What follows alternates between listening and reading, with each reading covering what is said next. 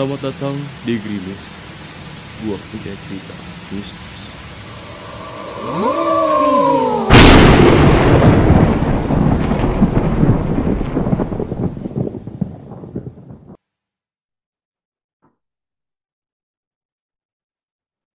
Halo lovers, balik lagi di Grimis. Gue punya cerita mistis.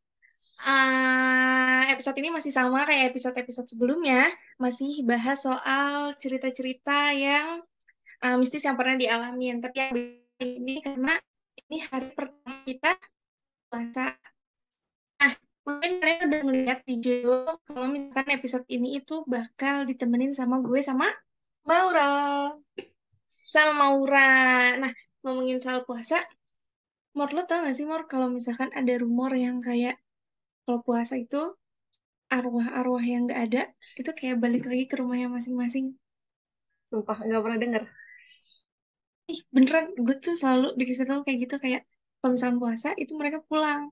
Kan kayak, lo tau kan kalau misalkan puasa tuh setan-setan, jin itu ada dikunci. Hmm. Kalau misalkan arwah-arwah yang udah meninggal, itu mereka balik lagi ke rumah masing-masing. Berarti kalau nggak ada yang meninggal, nggak balik dong ya? Iya, berarti gak ada yang pulang. Tapi bisa aja yang pulang yang punya rumah lu dulu. Dia bingung kali ya, ini siapa orang-orang baru? Nggak ada yang gue kenal lagi. mana ya? Eh iya ya, Mor. Kalau misalkan pindah rumah, dia ngikut keluarganya pindah gak ya?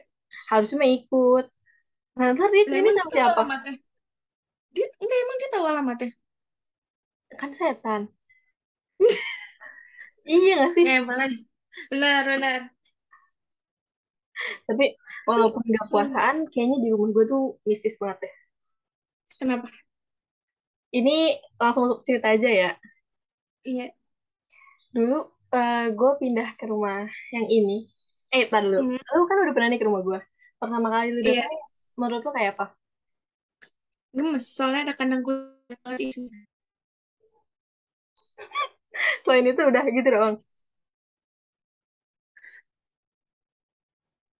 Mor, Apa? Udah itu oh ya, doang. pas pertama kali. Iya, itu doang. Kesan pertamanya gara-gara gue ngeliat kucing lu banyak banget. Tapi sebenarnya rumah gue tuh seru banget. Ini sebuah kisah nyata yang kayak berkali-kali tuh udah dialamin, tapi nggak semenakutkan itu sih, karena udah bertahun-tahun kali ya gue juga. Hmm. Jadi awal banget gue pindah tuh eh, kelas 6 SD. Awal banget pindah kelas 6 SD, terus kayak yang ya biasa aja namanya bocah pindah rumah gimana sih? Kayak masih Hmm. masih happy. Udah gitu rumah yang sekarang tuh kayak yang lebih banyak teman-temannya gitu. Karena temen SD gue tuh rata-rata rumahnya juga di sini. Jadi kayak Hmm. eh, masih happy gitu. Nah, suatu saat, nggak suatu saat sih kayak hari pertama banget pindahan, itu tuh kasur, jadi kayak ada satu kamar yang gede banget di atas, itu tuh muat dua kasur, dua kasur yang gede. Jadi kayak itu tuh sebenarnya dua kamar tapi jadi satu. Nah di situ tuh, hmm. nah di situ tuh gue tidur sama eh, kakak gue. Tapi kasurnya ini nggak benar-benar kasur dari rumah gue yang lama.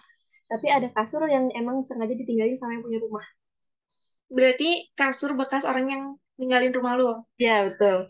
Jadi di situ dua kasur, satu kasur orang yang lama itu sama satu kasur baru yang baru emang dari rumah gue lama gitu.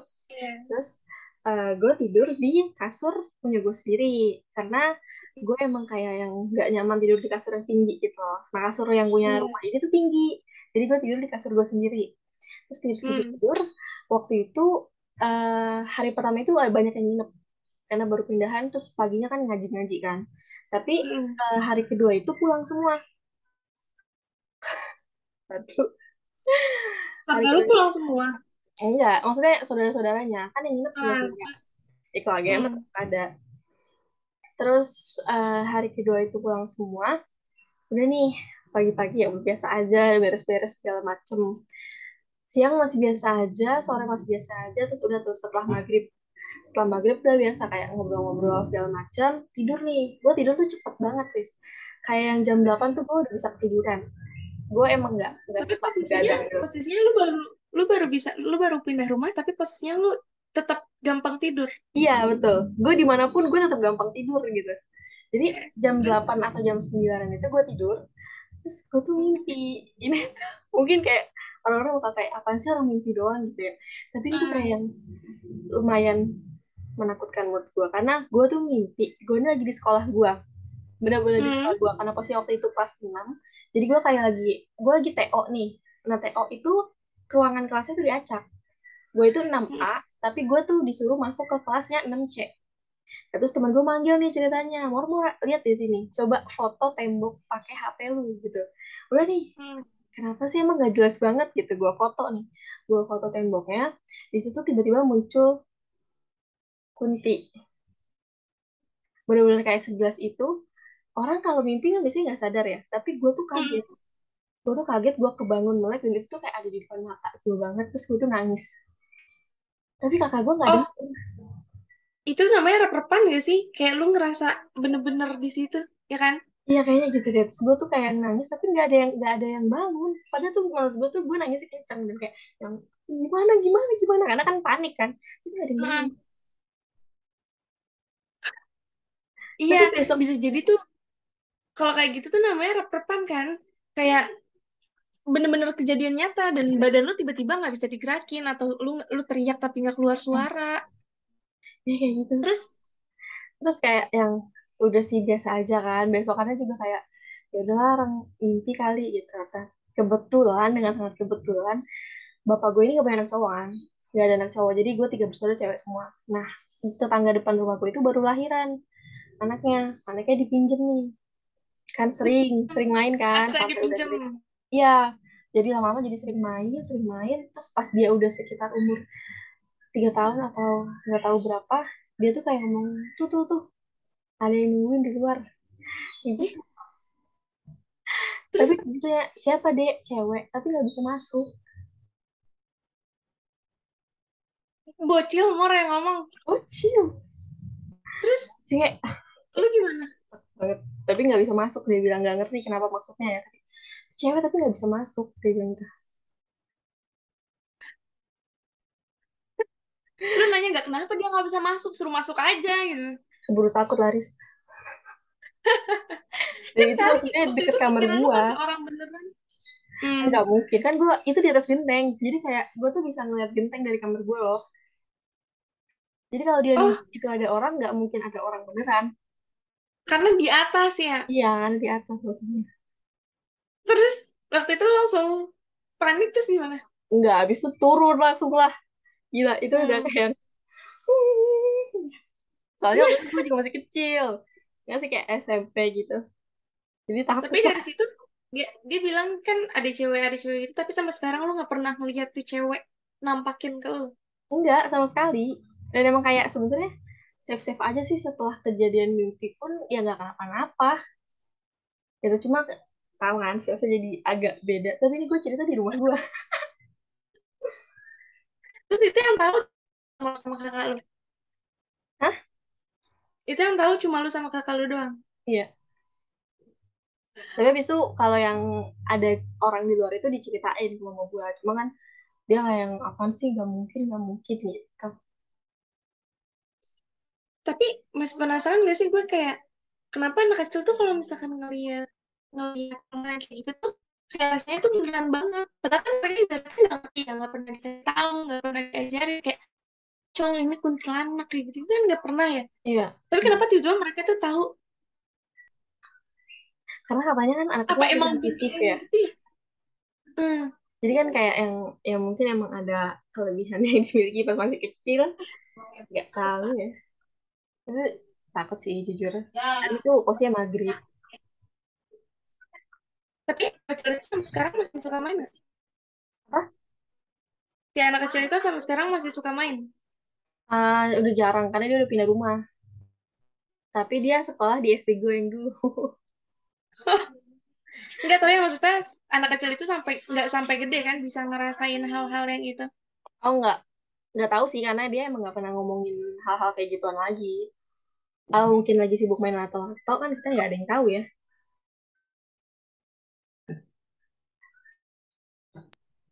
Oke. Terus selain di rumah lu kira-kira lu pernah ngalamin atau diceritain atau ngerasain apa lagi gitu, Mor?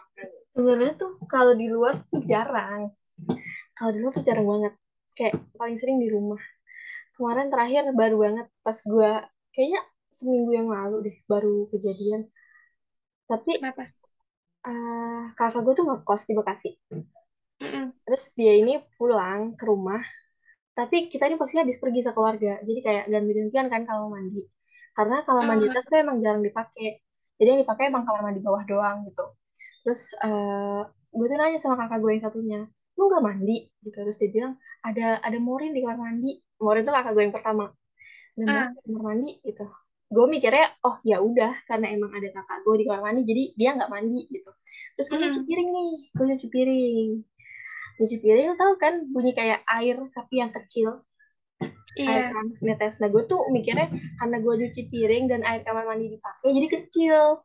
Kecil ya. kayak gitu. Nah terus ada ini maaf banget agak jorok tapi eh, ada suara eh, ini orang ee serius serius serius serius ada suara orang ee terus gue terus gue ngomong jijik banget sih Morin karena posisinya gue nyuci piring di depan di depan situ. Iya, nah terus oh, udah nih selesai. Gue ngambil air putih gue minum tapi ngadep kayak ngebelakangin tangga gitu. Nah terus ada suara mm, desek-desekan gue ngadepin tangga. Ternyata kakak gue itu si Kain itu turun. Gue nanya lah eh lu jorok banget sih kayak gitu. Gue ngomong kayak gitu. Karena ah, airnya kan dikecilin sama dia. Lu iya, jorok banget sih gitu. Terus dia bilang emang kenapa lu masa ah, nyalain air kecil banget sampai suaranya kedengeran keluar lah kan gue dari tadi di atas posisinya itu kamar mandi. di bawah di lantai Enggak, bawah berarti kamar mandi sebenarnya nggak ada orang. gak ada orang Itu harus Amor. gue kayak Terus lu ngomong apa sama kakak lu? Hah? Terus lu ngomong apa sama kakak lu? gue Kan lu ngedenger gitu. Gue nanya lu seriusan di atas? Iya gue udah di atas dan pak baju dia tuh baju lengkap pas tadi dia pergi itu masih rapi. Terus kayak eh, terus tadi gue dengerin siapa? Gue bener-bener semua itu kayak yang itu udah gede tapi masih masih apa ya masih serem menurut gue Tapi lu nggak ngecek langsung. Nggak karena bapak gue tuh di luar posisinya. Dan mama tuh kayak ada di kamar dan kakak gue dua-duanya di atas kan berarti karena yang tadi satu naik satunya baru turun berarti kan dua-duanya di atas Hmm. berarti yang di bawah tadi Hmm. cuma gue kayak nggak Dan mungkin emang ada gak ada orang orang lagi di rumah. iya Waktu itu kayak Baru banget minggu kemarin. Weh, tapi orang-orang biasanya ya teman-teman gue teman-teman SMA tuh kalau misalnya datang dia tuh langsung ngomong kayak rumah lu serem banget sih Mur kayak langsung ngomong gitu loh Kenapa? Hawanya. tuh nggak dia tuh baru ngeliat dari luar jadi nggak masuk jadi kayak cuma kok rumah lu serem banget sih Mur dia tuh cuma ngomong kayak gitu tapi nggak tahu maksudnya ke apa Rumah lu tuh gak ada bener- bener-bener gak ada unsur seremnya. Kayak ya udah rumah kita aja di komplek tuh kan. Terus kalau misalkan ngeliat gerbang ya banyak kucing. Paling ada motor lu parkir gitu kan. Kenapa orang bisa ngerasa rumah lu serem? beda-beda ini kali ya beda-beda lewat sudut pandang masing-masing kali ya jadi kayak menurut lu Iya, serem tapi yang mau tanya gitu deh iya bener. Karena karena kalau misalkan rumah gue juga nih Mor, waktu itu tuh sering banget ada eh, teman mbak gue yang main dan dia emang punya indra keenam dan langsung bisa ngerasain. Jadi emang ada orang yang hawa dia tuh bisa ngerasain hawa kali ini rumah ini nih hawanya tuh negatif gitu kali ya. Iya, kali bisa jadi sih kayak gitu. Tapi lo ada nggak pengalaman-pengalaman yang emang adanya di rumah lo gitu? Banyak. Tapi kalau misalkan gue sendiri ngalamin yang bener-bener itu nggak pernah. Tapi kalau dari cerita lo tadi tuh ya soal kayak lo mimpi tapi rasanya tuh beneran banget, itu gue hampir tiap malam ngerasain rep-repan apalagi kalau misalkan gue ganti posisi tidur. Misalkan gue madepnya biasanya sering ke sana, terus gue ganti nih madepnya ke sana ke sana gitu kan. Biasanya gue harus mimpi nggak enak atau karena gue lupa baca doa. Terus gue sering mimpi. Terakhir tuh gue mimpi dua hari yang lalu malam. Jadi tiga kali gue mimpi cerita yang sama. Gue kayak ada di satu kampung yang gede banget, gue nggak tahu di mana. Terus gue kayak susah buat nyari jalan keluar. Gue dikejar-kejar sama kayak, lu tau filter IG yang setan yang hitam-hitam mata merah itu gak sih? Lo tahu filter IG. Iya, gue dikejar-kejar sama makhluk kayak gitu. Kayak gue ngumpet di rumah-rumah tetangga, gue lari, gue nyari jalan keluar, nggak pernah ketemu sampai sekarang. Dan itu udah tiga kali. Terus tiga kali, tapi ini tiga kali buat makhluk ini. Yang lainnya masih ada lagi. kayak misalkan makhluk yang kayak gini itu gue bisa tiga kali mimpi empat kali mimpi itu Lor. nah pas bangun tuh gue rasanya kayak lagi nangis atau lagi sesak atau tiba-tiba yang kayak kaget tapi nggak bisa gerak lu lu pernah gak sih kayak lu bangun nih lu nggak bisa gerak badan kaki lu semua kaku Hmm. nggak bisa gerak terus akhirnya gue kayak baca-baca gue istighfar kayak kalau orang kan nyuruhnya kalau mimpi buruk tuh katanya ngeludah ke kiri itu kan kayak tiga kali. Iya. tapi gue nggak gue istighfar terus tiba-tiba bisa gerak belum ya kaki gue dan udah bisa. Tapi dari situ langsung panik nggak tidur lagi. Karena bener-bener bikin apa ya sesak pas itu loh. Takut. gue gue penasaran gue searching ke Google ternyata ya udah katanya emang karena rep-repan apa ya ada bahasa bahasa Inggrisnya lu dreams apa ya lucid dreams bukan sih Oh iya, lucid tau deh gue dream. lupa ya kan nah iya jadi kayak seolah-olah tuh makhluknya beneran ada gitu di, di, di, kita dan bikin kita nggak bisa gerak Tapi lucid dream juga ini loh, apa kayak mimpi yang nyambung gitu. Cerita lo tuh nyambung apa kayak bener-bener sama semua? Apa cuma apa makhluknya aja yang sama? Cerita lu. beda-beda. Oh, cuma beda-beda cuma poinnya tetap gue ada di satu tempat gue dikejar-kejar dan gue nggak bisa keluar. Gue nyari jalan-jalan jalannya sampai kayak gang kecil segala macam pohon-pohon kebun. Masih jelas banget di bayangan mimpi gue tapi ceritanya beda-beda. Cuma konsepnya sama gue dikejar-kejar gue nggak tahu arah keluarnya ke mana dan makhluknya sama. Gue nggak tahu sih itu ada penelitiannya atau gimana. Cuma itu gue baru sadar terjadi kalau misalkan gue ganti posisi tidur karena kebetulan kan rumah gue depan kuburan ya. Jadi kalau dari kamar tuh gue ngadep tiduran ke arah kuburan. Kalau kata orang tuh kan tidur nggak boleh madep kiblat ya. Hmm. ya kan? Nah Bukan, kalau harus ngadep kiblat bukan? harus apa nggak boleh sih? Harus. gue malah pahamnya nggak boleh. Nah jadi gue nggak pernah tidur ngarah kiblat. Gue tidurnya ngarep ke depan ya kan? Depan kuburan Ih, seru banget.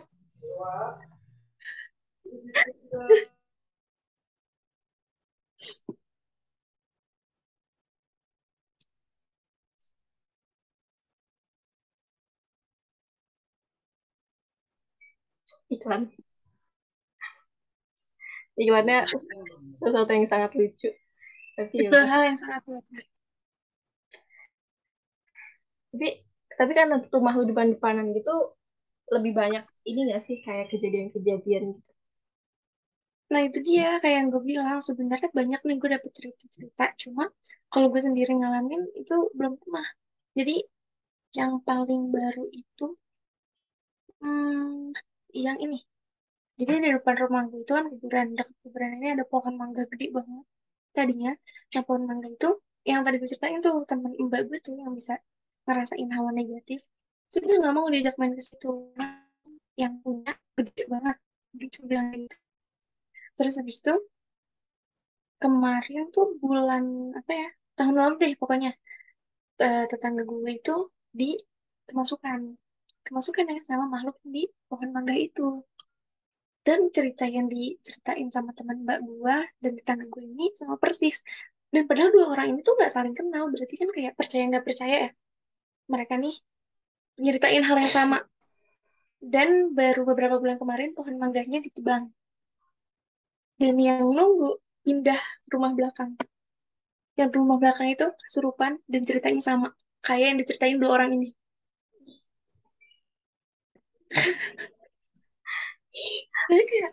Dan kesurupan dari dari kesurupan dari cara ngomongnya itu sama persis Mor. Kayak kok intinya si yang nunggu ini merasa keganggu kalau misalkan dulu waktu gue kecil gue suka banget main di pohon mangga itu di bawah pohon mangga itu gue main kelereng. Karena kan bawahnya kan tanah ya. Jadi suka main kelereng di situ. Terus ntar tiba-tiba tuh suka ada yang nyambitin pakai batu. Cuma nggak tahu batunya dari mana. Dan selama main itu namanya anak kecil mikirnya ya orang iseng atau emang kelempar aja karena angin batunya batu-batu kecil. Tapi ya gue baru sadarnya sekarang sekarang ini berarti dulu tuh emang si yang itu udah nggak suka. Kalau diganggu gitu. Hmm. Karena kalau dari cerita kesurupan-kesurupannya itu emang dia tuh ceritainnya kayak berisik loh gue keganggu gitu-gitu Tapi sekarang berarti posisinya masih ada di rumah itu. enggak si yang nunggu ini udah pindah ke belakang dan gue nggak tahu karena belum ada cerita-cerita lagi di belakang Nah, gue juga pengen cerita nih, Mur. Kayaknya lebih horor lagi. Apa? Lu, lu percaya gak sih kalau kalau miara tuyul itu beneran bisa? Bisa apa? Bisa dipiara. Oh, percaya? Kenapa? Emang lu pernah ngerasa kayak tiba-tiba hilang? Enggak sih, cuma kayak banyak cerita aja. Jadi kayak percaya Kan? gitu. Gue tuh awalnya cuma kayak, ya iyalah mana bisa gitu kan. Terus gue pernah dengar juga kalau di Kalimantan tuh banyak kan yang jual tuyul di pinggir Hmm. jalan. Lu pernah tuh kan? Pokoknya di Pernah, Kalimantan tuh katanya banyak yang jual tuyul di pinggir jalan. Cuma gue mikir, gila ya orang hal mistis aja bisa dijual gitu, bisa jadi duit. Gue cuma, pikiran gue cuma sebatas itu. Tapi pas ke sini, itu ada tetangga gue yang kerasukan tuyul, dan dia cerita yang punya dia itu siapa, dan ceritanya tuh kayak persis, gimana ya, masuk, eh, percaya nggak percaya aja gitu. Karena yang ngalamin ini bukan satu dua orang, tapi di, di antar komplek ini, beberapa rumah udah ngerasain. Jadi waktu kerasukan tuyul itu, si tuyulnya ditanya kan, siapa yang melihara. Dan tuyulnya tuh nunjukinnya gini, dua belakang di rumah ini, terus rumahnya madep ke sini, abis itu lompat dua kali ke kiri. Intinya dia kayak nggak ngejelasin langsung si A loh, gitu enggak. Oh, heeh. Dia ngejelasin rumah yang mana. Dan ngejelasinnya kayak dua belakang, dua gang di belakang rumah ini, terus rumahnya lompat ke tiga, lompat tiga kali ke kiri, gitu. Tapi ketahuan nggak? Terus abis itu, enggak terlalu bentar. Yang yang kemasukan tuyul itu tiga orang, dan cerita dari tiga tuyulnya ini sama. Kalau rumah itu. Tapi sampai sekarang, kayak rumah itu ya udah, tetap nggak ada yang nggak ada yang ngelaporin atau ngebahas ke kayak negor itu nggak ada karena kan ya percaya nggak percaya kan hal kalau kalau hal kayak gini kan Hmm. cuma ini buat cerita buat yang ngelihat waktu orang ini kerasukan aja gitu ditanya nih tuyulnya kamu kalau ngambil uang uang apa aja terus tuyulnya jawab yang warna hijau yang warna biru sama yang warna merah. Terus ditanya ini lucu banget kenapa kok nggak nggak nggak nggak suka recehan? Kenapa nggak ngambil yang koin dua ribuan? Nggak suka berat. Dia nggak mau ngambil yang koin katanya berat. Bocah banget tuh tuyul milih-milih dulu. Terus beratan ya dosa dosa dia deh. Iya, terus ya udah tuh dari tiga cerit dari tiga orang yang kerasukan si tuyul ini punya cerita yang sama dan emang benar di rumah itu suka kehilangan duit ya udah. Jadi cuma kayak oh dia ternyata melihat tuyul, cuma nggak pernah negor langsung karena ya mau ngebuktiin apa gitu kan? Oh, jadi tiga-tiga orang ini tuh kayak nggak ada yang, eh jadi bukti deh, jadi bukti deh, gitu tuh nggak ada.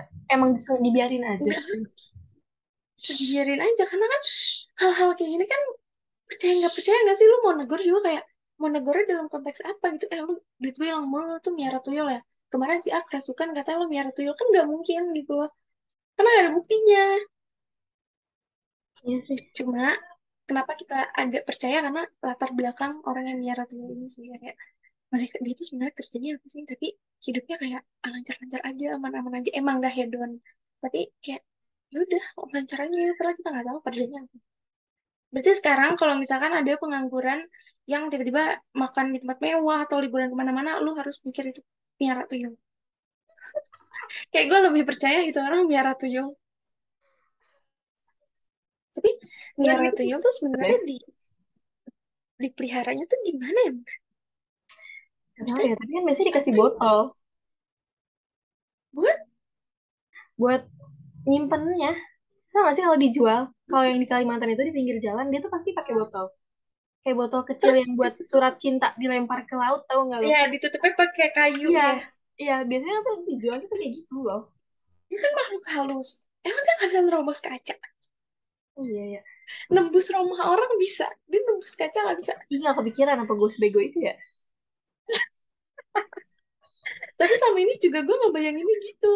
Dia dimasukin ke gelas, terus ditutup pakai tutup kayu kan. Heeh. Cuma kenapa dia bisa nembus rumah orang, nembus kacanya nggak bisa? Didoain kali ya? Ada Gak ada kunci tahu. kunci gaib kali. Iya kali ya. Nggak ada yang tahu.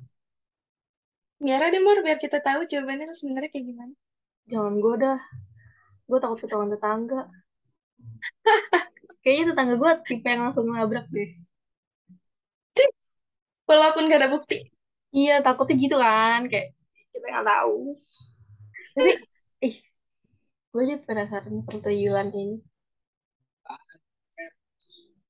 tapi katanya kalau pelihara tuyul kan harus dikasih susu kan Susunya tuh disusuin langsung kan ya? ya nah itu tuh gimana ya Dia kan halus nih. Terus gimana gitu kan? Oh, cerita dulu Pak. Jadi si tuyul ini dia itu dari sama si yang punya karena ngambil uangnya gagal. kok bisa Gagal ngambil uang.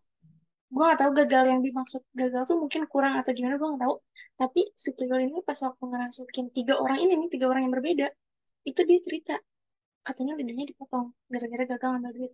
Dan waktu kerasukan itu si orang yang kesurupan itu kayak ngeces mulu, Mor. Kayak seolah-olah Ah, ngomongnya tuh nggak pakai lidah lu paham gak sih kayak lu ngomong nggak pakai lidah jadi lidah lu ke mana-mana di tiga coba contohin lu dong Mar. Coba Mar. Lu kan udah ngebayangin nih Mar. Contohin Mar. Justru kan gue nggak kebayang. Ini kayak gitu ya. Jadi kayak percaya nggak percaya gak sih? Tapi dari tiga orang ini tiga orang yang berbeda yang gak saling deket ceritanya sama. Lidahnya dipotong. Ih. Motongnya tuh gimana? Maksud gue motongnya tuh gimana loh? Nyusuinnya gimana? Motongnya gimana? Mereka bisa kesentuh kah? Tapi katanya tuyul tuh gede banget. Emang iya kayak bukan bayi yang belepotan pakai bedak kayak seukuran kita gitu. Kayak manusia biasa tapi tak kayak panjang panjang gitu. Lu tau gak sih waktu itu pernah sempat viral di uh, on the spot kalau nggak salah. Itu tuh CCTV yang emang nangkep karena CCTV itu dia kayak di double infrared gitu loh. Ah, terus terus? nangkep tuh kayak ya emang bener-bener gak pakai baju apa pun tapi itu panjang banget bener-bener yang sepanjang itu. Dan itu jalan masuk ke rumah orang tapi ya nembus tau gak sih? Kok bisa ketahuan ya? Maksudnya ketangkap CCTV makanya nggak nggak tahu ya itu bohong apa enggak tapi kayak nggak nggak percaya kan? Iya beneran katanya kalau misalkan percaya sih. katanya kalau misalkan makhluk gituan ketangkap nih kelihatan sama manusia tuh dia lagi nggak sih? Iya benar karena harusnya sih ya. ya kan? Dia emang sengaja ya nampakin mukanya gitu emang tujuannya apa? Lu nakut nakutin terus kalau kita nggak takut lu ngerasa kecewa sendiri gitu kan? Enggak ya nggak mungkin ya niatnya kayak gitu doang ya. Insecure. Kok nggak kita kok iya sebelum kalau nggak takut gue gue kurang kali bawanya jadi setan. Waktu di depan rumah gue yang kuburan itu kan jadi posisinya tuh gini depan rumah gue ini musola ini kuburan terus lapangan sederet gitu kan. Jadi kalau kita main di lapangan otomatis kita madepnya ke arah musola sama kuburan. Terus? Waktu itu maghrib maghrib maghrib maghrib kayak baru ada solawatan solawatan gitu. Lagi main anak-anak kami di lapangan dan satu anak lihat ada yang terbang dari atas. Hmm, terus kayak lama di situ badannya panas emang. Terus pas pas panas ini pas udah sembuh barulah dia cerita kemarin ngeliat ada yang terbang. Terus waktu ketahuan terbangnya langsung main main nomor kayak ini terbang atas nanti langsung pas ketahuan langsung main langsung terbangnya. Kan kocak juga ya. Hmm. terus terus terus nah jauh dari situ orang yang kesurupan sama penunggu yang di pohon tadi itu kerasukan sama si kuntilanak ini yang terbang. Kesurupan juga sama dia. Dia bilang eh ditanya kemarin kamu ketahuan ya sama adik aku? Kamu terbang tapi terbangnya miring. Iya soalnya aku malu waktu terbang tiba-tiba adik kamu ngeliat. Ih gue percaya malu percaya ya tapi banget ya? lucu deh lucu aja gitu sama kejadian-kejadian kayak gini. Gue sendiri sebenarnya nggak percaya karena gue nggak ngalamin kan? Gue juga nggak mau ngalamin gitu. Tapi dari awal banget lu tuh emang yang tipe yang percaya apa enggak percaya? Eh nggak. Gue nggak percaya karena gue belum ngelihat langsung. Tapi kalau dari cerita-ceritanya gue percaya. Hmm. gitu sih. Kita udah lama banget nih podcastnya. Iya benar ini karena kalau ngobrolin kayak gini seru gak sih? Iya. Tapi segini dulu kali ya Mar iya ini episode kayaknya dilanjut bareng sama ya, rame nah. lanjut part 2 kali ya. Nah lanjut part berarti minggu depan masih amal ya Mar ya? Masih masih pertuyulan masih pertuyulan. Ya udah, oke lovers mungkin segini dulu cerita Gerimis kita di episode ini. Banyak banget yang tadi diceritain Mora sama gue soal kejadian-kejadian mistis yang pernah terjadi di rumahnya. Jadi kalau misalkan ada salah kata, mohon maaf. Jangan lupa dengerin podcast Optai tiap minggunya dan juga jangan lupa ngeliat liatin uh, sosmed Optai di IG, di Twitter, di TikTok, di YouTube. Dah, kalau semua deh pokoknya. Karena kita nggak bakal ngelewatin hal-hal yang seru gitu. Jadi thank you Mora. Dah. Dadah.